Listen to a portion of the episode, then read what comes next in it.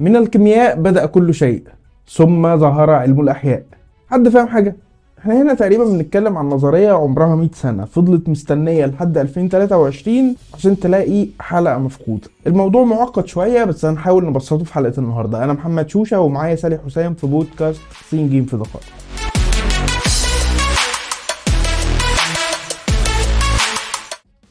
سالي العنوان اللي إحنا بنتكلم فيه النهاردة وقفني شويتين قدام. إيه اللي دخل الكيمياء في الأحياء؟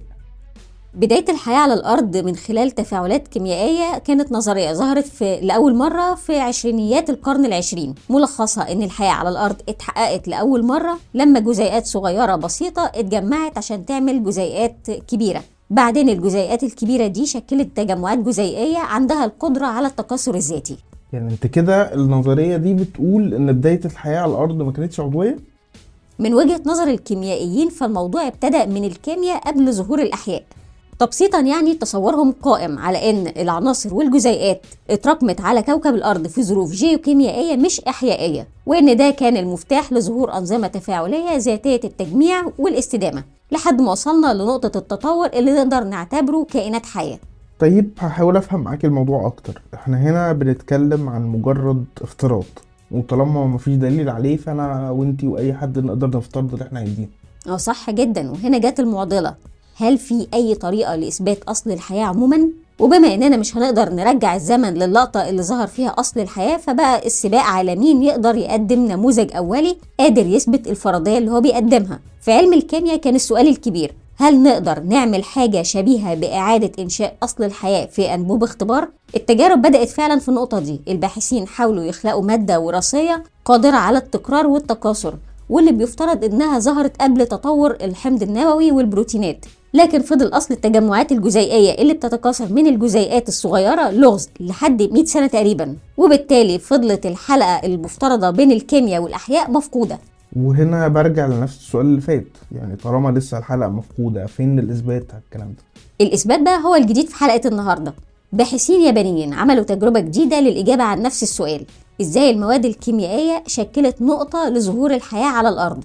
بدأوا بافتراض إن الحياة بدأت في ظروف بيئية مناسبة. يعني مكونات كيميائية اتكونت بضغط وحرارة عالية وبعدين بردت شوية شوية لحد ما وصلت لظروف مناسبة للحياة. المشكلة هنا كانت التكاثر وهنا نقطة تفرد التجربة الجديدة. الباحثين اشتغلوا على إن التكاثر هيحتاج إنتاج بوليمر عشوائي وتجميع ذاتي في نفس الظروف فصمموا جزيء أحادي prebiotic عملوه من مشتقات الأحماض الأمينية كمقدمة لتجميع الخلايا البدائية ذاتيا.